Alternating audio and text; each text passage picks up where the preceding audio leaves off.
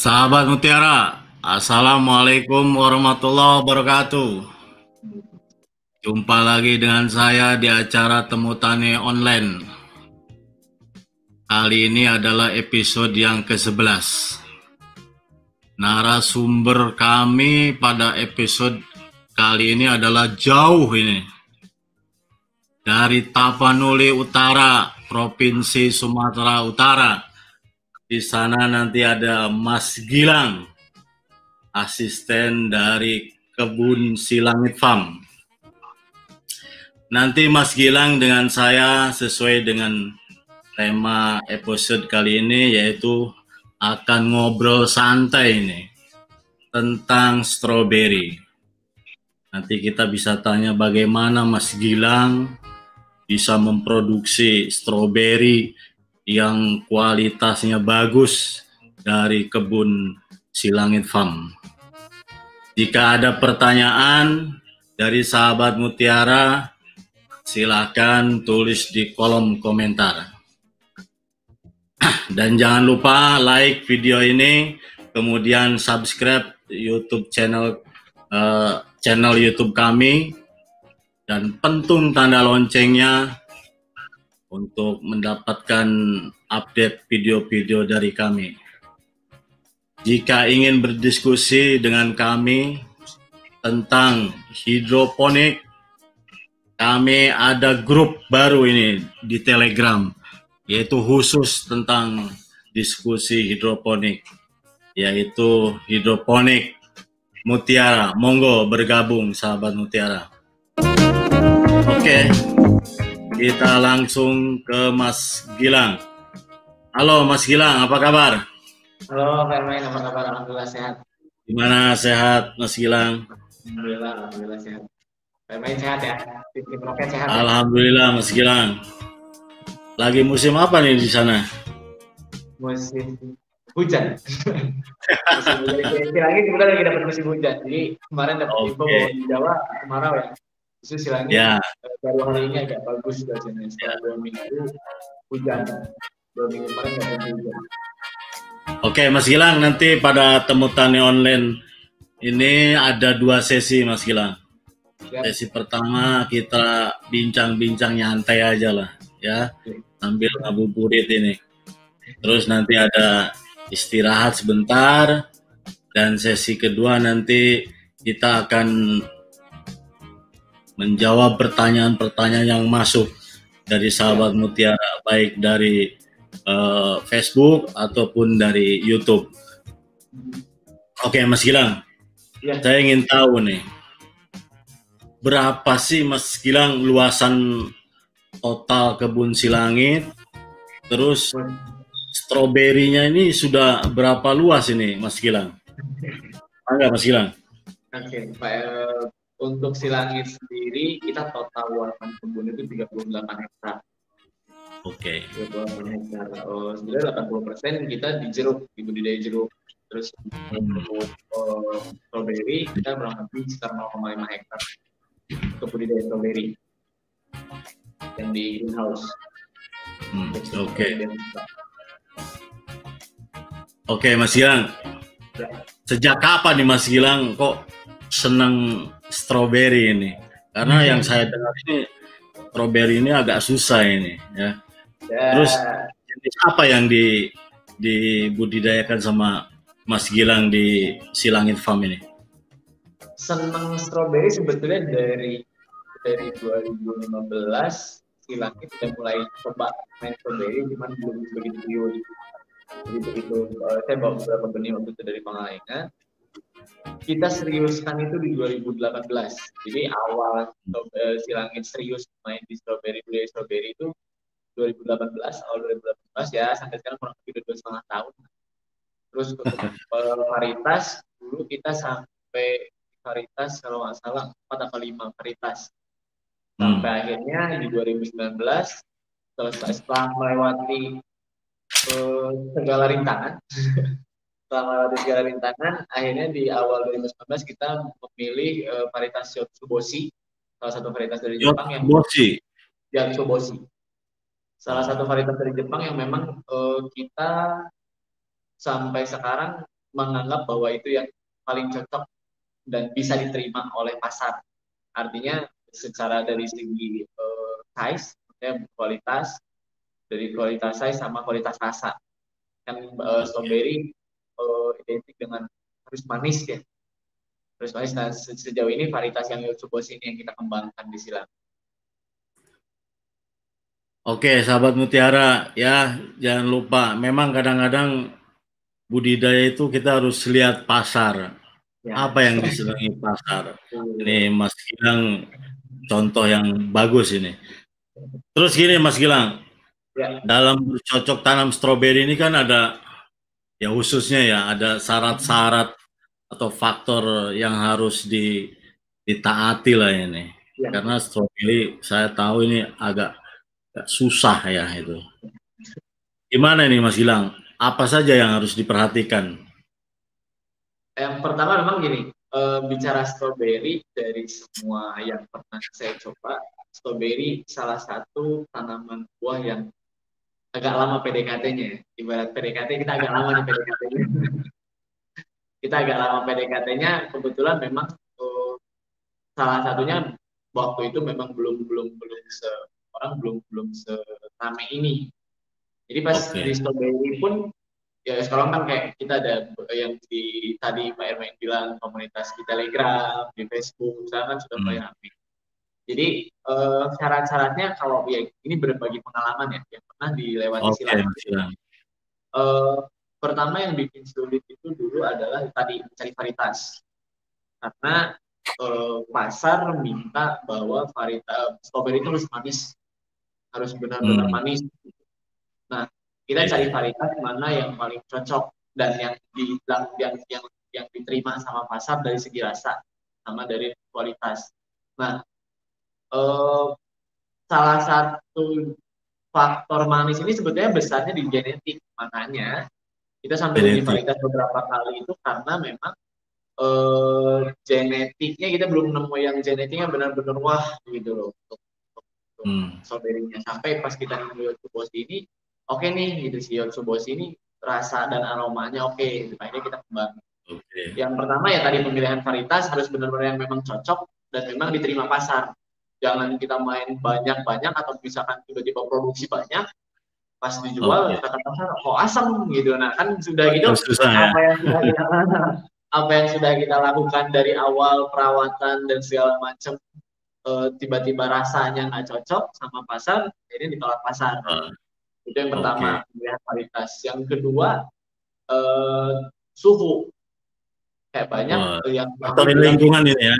Ya suhu-suhu dan era lingkungan. Jadi suhu lingkungan stroberi sendiri, stroberi itu punya suhu netral 20 yang saya amatin 20 sampai 26 derajat. Hmm. Saya anggap bahwa 26 derajat itu batas atasnya. Ya kalau 27 28 masih oke okay lah. Tapi jangan sampai di atas itu karena uh, semakin tinggi suhu uh, polinasinya akan semakin buruk. Jadi semakin hmm. tinggi suhu si stroberi, maksudnya suhu, suhu lingkungannya, polinasi stroberinya akan makin buruk. Jadi buahnya ada asam lah. Yang kedua, semakin tinggi suhu atau semakin ya semakin tinggi suhu, pematangan sebenarnya lebih cepat. Jadi hmm, sebelum ya. waktunya matang, stroberinya sudah kalau orang sudah bilang eh, sakapoe Pak Ermain ya. Iya, iya. nah, jadi semakin tinggi suhunya semakin cepat untuk matang pada akhirnya rasa tidak optimal tapi warna sudah merah. Hmm. Yang kedua ya, terus dari suhu tadi sebetulnya yang paling penting di suhu. Yang paling penting suhu ya. Suhu, ya. Jadi kalau ada yang nanya strawberry bisa nggak di dataran rendah? Bisa jika sudah eh, apa sudah adaptif dengan lingkungannya sampai beberapa kali penanaman misalnya. Hmm artinya sudah domestifikasi gitu. Si stroberinya sudah varietas tersebut sudah domestifikasi dengan suhu dan era lingkungan yang ada. Terus yang paling ya terus yang pernah lagi adalah baru beberapa hari penanaman terus stroberinya nggak tumbuh nih busuk misalkan. Hmm. Setelah kita cari ternyata bagian mahkotanya yang mati itu terkubur. Jadi yang banyak yang mati di awal penanaman itu bagian mahkota daunnya terkubur. Nah, okay. ini yang saya pun awalnya kan kayak ya udahlah kita nanam aja gitu loh tanpa memperhatikan sinar Sampai pas kok ada kematian, dilihat ternyata hmm. begitu mahkota ada mahkota stroberi mahkota tanamannya tidak terkubur, growth-nya pun lebih cepat. Growth-nya lebih cepat. Jadi dari dari tadi oh, jenis apa varietas yang mau kita tanam, terus suhu yang kita harus hmm. sesuaikan, cara penanaman, terus media, media penanaman yang mau dipilih misalkan kita pakai media substrat nih yang paling substrat. bagus apa nih Mas Mas Gilang sejauh ini yang saya pakai dan saya kembangkan saya pakai uh, kopi 100% oh. kopi ada yang campur dengan uh, sekam bakar tapi uh, sekam bakar kita agak sulit untuk proses sterilisasinya ya kita harus bakar dulu hmm. maksudnya lebih ribet dari kopi okay. makanya kita yeah. lebih lebih milih uh, kokopit yang kedua karena memang covid limbah juga kan agak kalau di Jawa hmm. mungkin tidak terlalu sulit di, di Sumatera pun sudah tidak terlalu sulit dari media covid atau dicampur antara covid dengan uh, okay. intinya kan kalau media pertama jangan uh, terlalu keras maksudnya jangan uh, bisa bisa mengurai akar harus gembur gitu ya, ya harus, harus gembur. gembur jadi akar tidak sulit yang ketiga tidak menyimpan air terlalu banyak nah ini yang sering hmm. uh, terlupakan Stroberi ya, ini ya, salah satu tanaman yang sensitif salinitas. Oh ya. Ya, stroberi salah ya. satu tanaman yang sensitif salinitas. Jadi uh, kita kasih makan, kita kasih nutrisi, ketinggian hmm. salah, ketinggian kelaparan gitu. ketinggian nanti nyangkanya kayak misalkan ini ada beberapa orang uh, daunnya hmm. hijau pekat gitu. Nah, salah satu yeah, yeah. dari efek dari salinitas ini, mau saya tingginya salinitas, toksik salinitas adalah yeah. daun hijaunya pekat hampir gelap. Oke. Okay. Terus kayak kaca gitu, jadi dia lebih keras gitu. Dan salinitas ini kadang-kadang yang dilupakan adalah uh, kita lupa flashing misalkan. Jadi dulu yeah. uh, pun sama, tidak melakukan flashing, tiba-tiba di usia 60 hari kira-kira strawberry ini tidak mengeluarkan bunga, tidak mengeluarkan hmm. stolon, dan daun mengeras. Nah, terus ada pun bunga yang keluar tidak seharusnya. Pas dicek lagi ternyata baca-baca lagi ya belajar-belajar lagi. Memang flashing di strawberry itu penting. Artinya kita okay. cuci dulu si medianya sampai tumpukan okay. garam di medianya bersih, baru kita kasih lagi. Karena tadi sensitifnya uh, strawberry biasanya main kayak di hidroponik di 700 ppm misalnya. Hmm. Dia naik ke 900 ppm, itu dalam waktu 2 atau 3 minggu salinitasnya pasti tinggi. Gitu. Jadi tumpukan garamnya tadi bikin stroberinya stunting. Oke, okay, oke. Okay. Ini Mas Gilang ini kalau cerita stroberi ini nggak bisa berhenti ini ya, sudah hafal benar ini.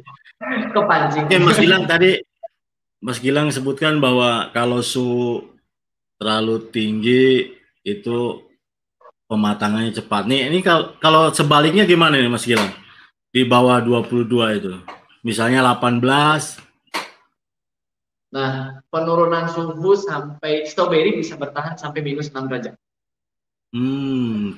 Jadi kalau ke bawah, ya. batas bawahnya sampai ke minus 6 derajat masih bisa tumbuh tapi tidak seperform di, di 20 sampai 26-nya. Oke. Dan perubahan suhu yang terlalu uh, tinggi, misalkan fluktuatif gitu ya. Nah, uh, di, di, di tanaman sendiri tidak akan masalah, tapi penyakitnya jamurnya yang nanti faktor-faktor luarnya. Oke, oke Mas Gila. Oke Mas Gila nih, saya mau tanya lagi nih. Hmm. Sebenarnya pola pertumbuhan stroberi ini seperti apa nih Mas Gila? Ada apakah sama dengan tanaman lain ya? Ada vegetatif, generatif gitu?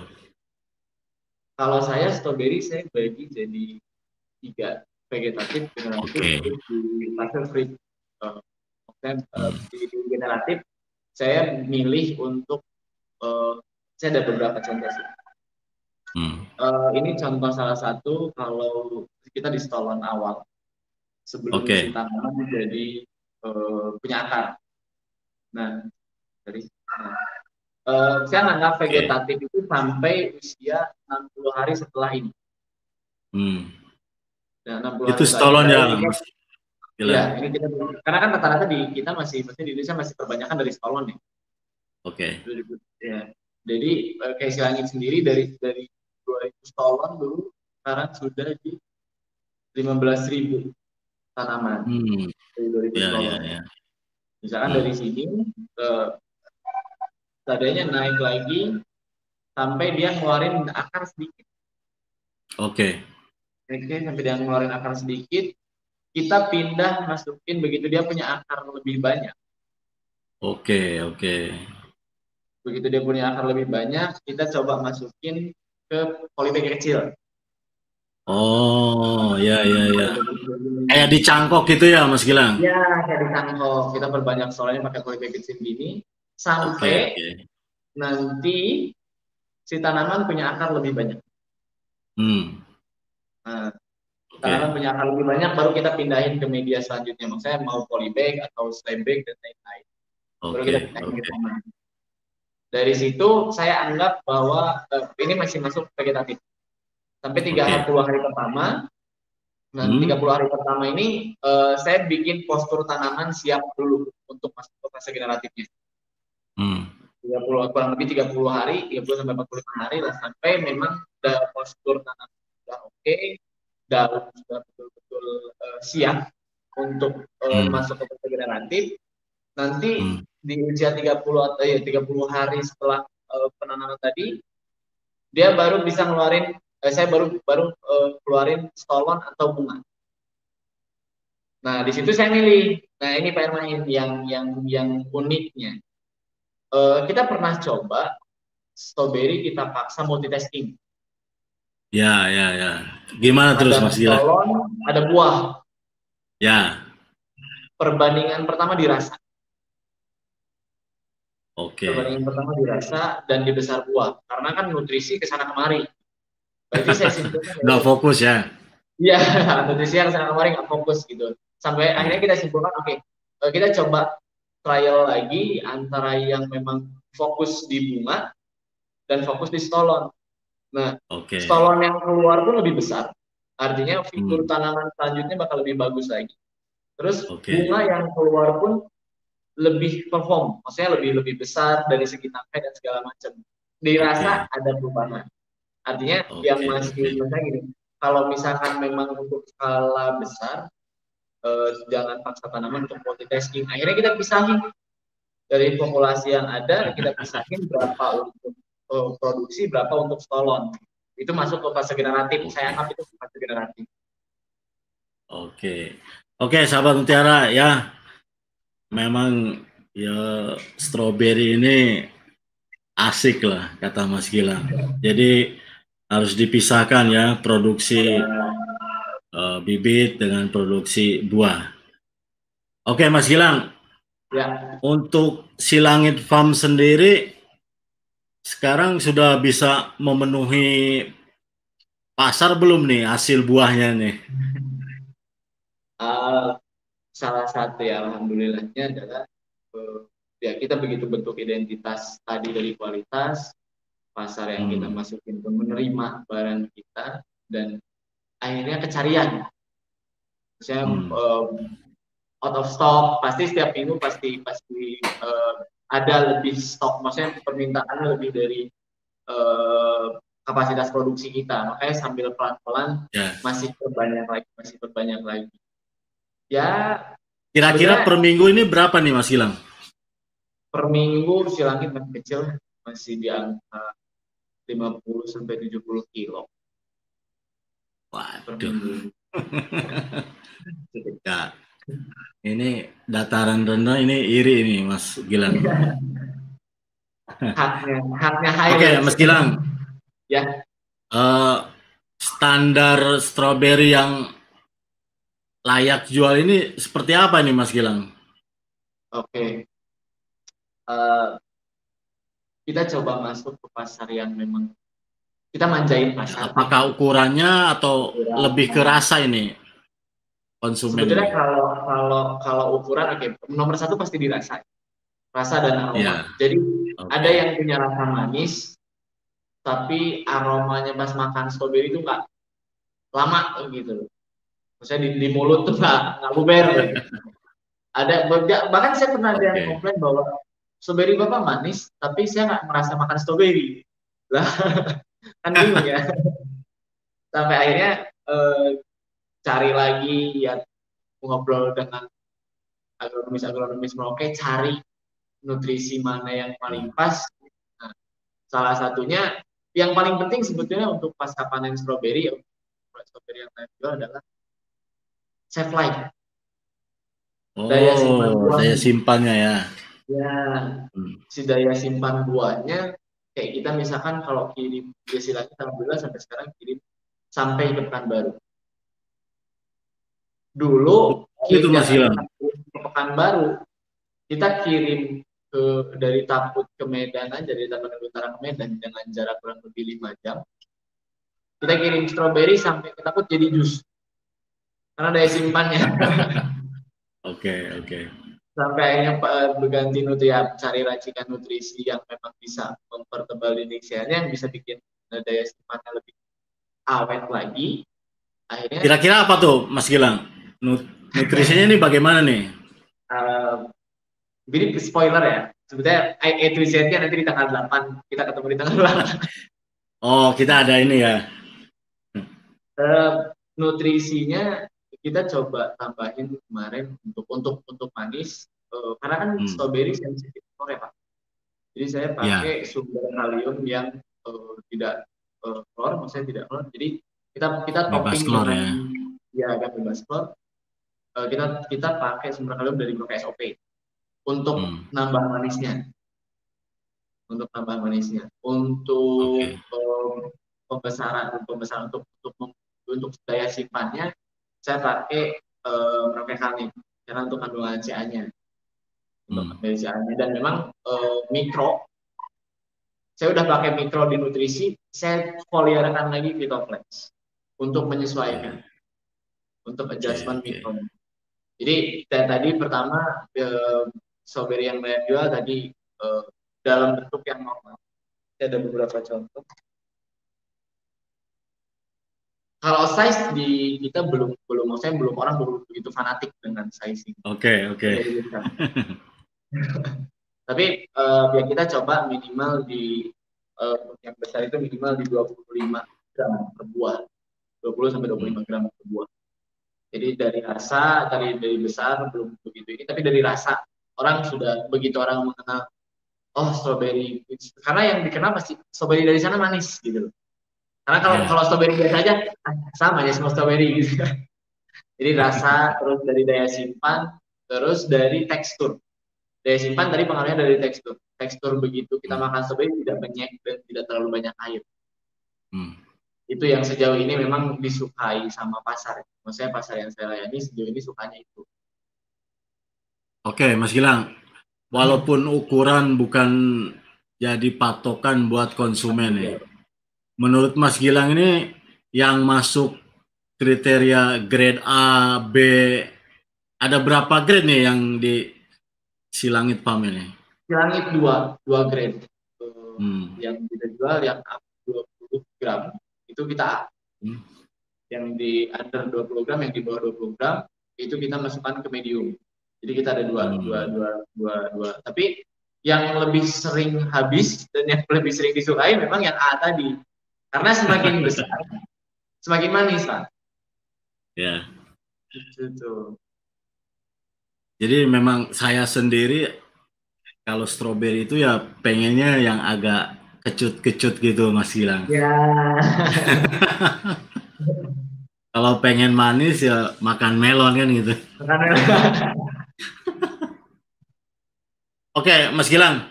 Ya. Uh, walaupun Mas Gilang hidroponik kan apa bedanya dengan kalau saya lihat kan di Ciwidey itu ada uh, petani yang nanam di lahan gitu ya. Ya. Walaupun di di polybag tapi hmm. dari tanah itu. Dari segi nutrisinya gimana ini Mas Gilang? Pemberian nutrisinya? Oke. Okay. Uh, Tilang itu sedang mencoba sebetulnya untuk uh, soil ya untuk budidaya di tanah karena dulu awalnya pun kita tidak terpikir untuk strawberry uh, di greenhouse. Yeah. Tadi begitu masuk greenhouse kan banyak serangan. Nah, kalau untuk dari segi nutrisi sebetulnya uh, saya bandel, si langit bandel. Jadi setiap ada uh, komplain, ya kita tidak bisa menolak komplain dari uh, customer gitu. Jadi setiap ada komplain kita anggap sebagai masukan. Ini kurang manis nih, gitu ya. Tadi saya adjust lagi, jangan Karena di tanah pun, ya kalau menurut saya, di tanah pun kayak di profit sharing pak. Di strawberry, yeah. saya profit sharing salah satu yang menjadi SOP kami adalah selain okay. kita kasih pupuk dari ke bawah, saya dari, dari akar, profit sharing kita kasih Jadi uh, bantu juga lah untuk adjustment. Karena kan strawberry salah satu tanaman yang paling saya produksinya tidak tidak berhenti. Pasti tanaman lebih cepat capek jadi dari dari pemupukan ya tadi sih saya ngindarin yang uh, sumber kalium dengan klor. Oke. Okay. Terus uh, menghindari menghindari uh, ya. Walaupun stroberi ini katanya suhu pengaruh besar ya. Hmm. Ini untuk dataran yang rendah ini bisa dipaksa untuk nanam nggak nih Mas Gilang? dipaksa kalau maksa kalau orang bilang Medan bilang maksa kali kalau udah paksa kali kalau udah dipaksa kali tapi kalau misalkan gini kalau untuk skala hobis di depan rumah Hobi, sih ya. ya silakan karena kan tidak tidak dituntut pasar di modif gitu ya Mas Gilang ya, ya silakan tapi kalau misalkan untuk skala besar ya pertama mencoba domestifikasi si hmm. genetiknya dulu jadi si, okay. strawberry itu bisa tahan di. Maksudnya, kayak kita harus buat beberapa generasi yang memang sudah adaptif dengan itu. Ya, kurang lebih satu tahun lah untuk butuh waktu dia bisa domestifikasi di situ. Hmm. Kalau misalkan dalam, pokoknya pengen produksi strawberry di dataran rendah, ya salah satunya mungkin dengan hidroponik dan greenhouse untuk penyesuaian suhunya. Okay. Untuk penyesuaian, kayak saya kemarin juga beberapa minggu yang lalu ada yang smart farming, saya ya mau bahas smart farming dengan agrifarm, ya itu kan salah satu pengkondisian di pengkondisian okay. uh, tubuhnya. Oke. Okay. Uh, eh, gini Mas Gilang, mungkin ini pertanyaan saya terakhir nih sebelum nanti ya. ke tanya jawab. Tolong dong berikan uh, trik dan tip untuk berhidroponik strawberry ini, Mas Gilang. Ya. Untuk sahabat mutiara ini. Ya uh, sebetulnya tidak ada sekarang kan udah grup udah banyak banget ya uh, eh, okay. saya, uh, saya juga petani YouTube saya juga petani banyak kali coba uh, sebetulnya tipsnya sederhana pertama adalah ya kita coba komunikasi dengan tanaman artinya okay. uh, mencoba membaca tanamannya gimana dia ngambek kalau saya analoginya selalu ke situ dia ngambek okay dia sakit atau tidak. Hmm. Jadi defisiensi yeah. hara pasti kelihatan. Terus tadi salinitas atau tumpukan garam di media pasti kelihatan dengan ciri-ciri stunting. Hmm. Terus hmm. uh, pruning, pruning daun, pengurangan daun, jangan lupa hmm. pengurangan daun. Uh, karena hmm. semakin banyak daun, pertama uh, nutrisi akan fokus ke daun. Oke. Okay. Nutrisi akan fokus ke daun. Terus uh, semakin rimbun, jamur akan lebih cepat datang. Nah, Berapa daun nih Mas Gilang yang harus disisakan nih? Minimal yang kita sampai maksudnya kita coba sampai saya pernah sampai coba tiga daun empat daun hmm. kita nemu titik enaknya itu di delapan minimal minimal delapan daun kita coba di beberapa sampai paling banyak uh, kita pernah sampai ke 10 sampai 12 di 12 mulai jamur buah mulai tinggi jadi terlalu okay. rimbun jamur buah mulai rimbun tinggi. ya ya Oke, okay, mungkin ya itu tanya jawab saya dengan Mas Gilang.